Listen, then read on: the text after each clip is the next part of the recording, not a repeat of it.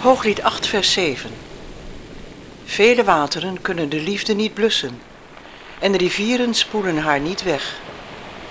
U luistert naar Verbonden voor het Leven Radio. Een eenvoudige bijbelstudie over het huwelijk, zoals God het bedoeld heeft. Samenstelling en presentatie Willem en Helen Lingeman.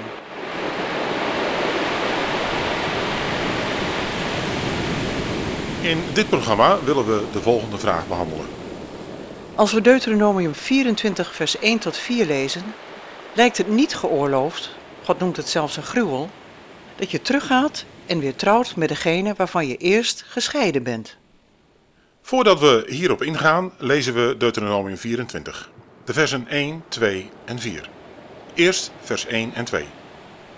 Wanneer iemand een vrouw genomen en gehuwd heeft, dan zal, als hij er geen genegenheid toedraagt, omdat hij iets onbehoorlijks aan haar gevonden heeft, en hij een scheidbrief geschreven en haar die overhandigd heeft, waarna hij haar uit zijn huis heeft weggezonden.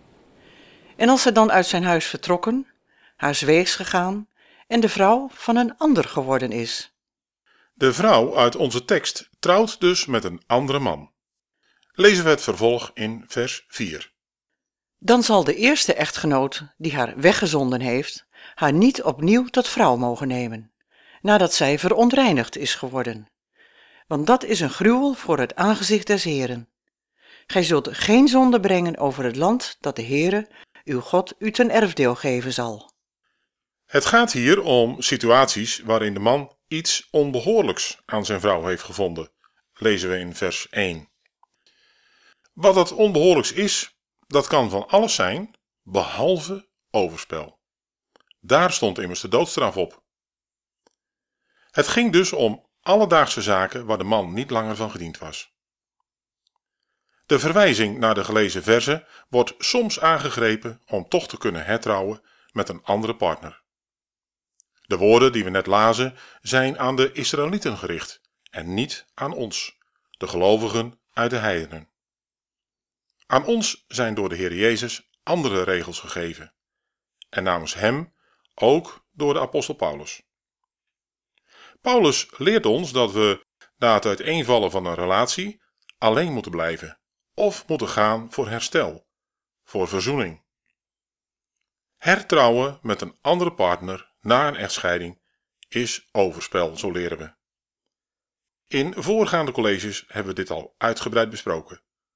Lucas 16, vers 18. Ieder die zijn vrouw verstoot en met een andere trouwt, pleegt overspel. En wie met een door haar man verstotene trouwt, pleegt overspel. Het huwelijksverbond duurt levenslang, tot de dood erop volgt. Ook al wordt het geplaagd door hoererij of overspel. Romeinen 7, vers 2 en 3. Want de gehuwde vrouw is door de wet verbonden aan haar man bij diens leven. Maar is de man gestorven, dan is zij vrijgemaakt van de wet die haar aan de man bond. Daarom zal zij een overspeelster worden genoemd, als ze bij het leven van haar man de vrouw van een andere man wordt.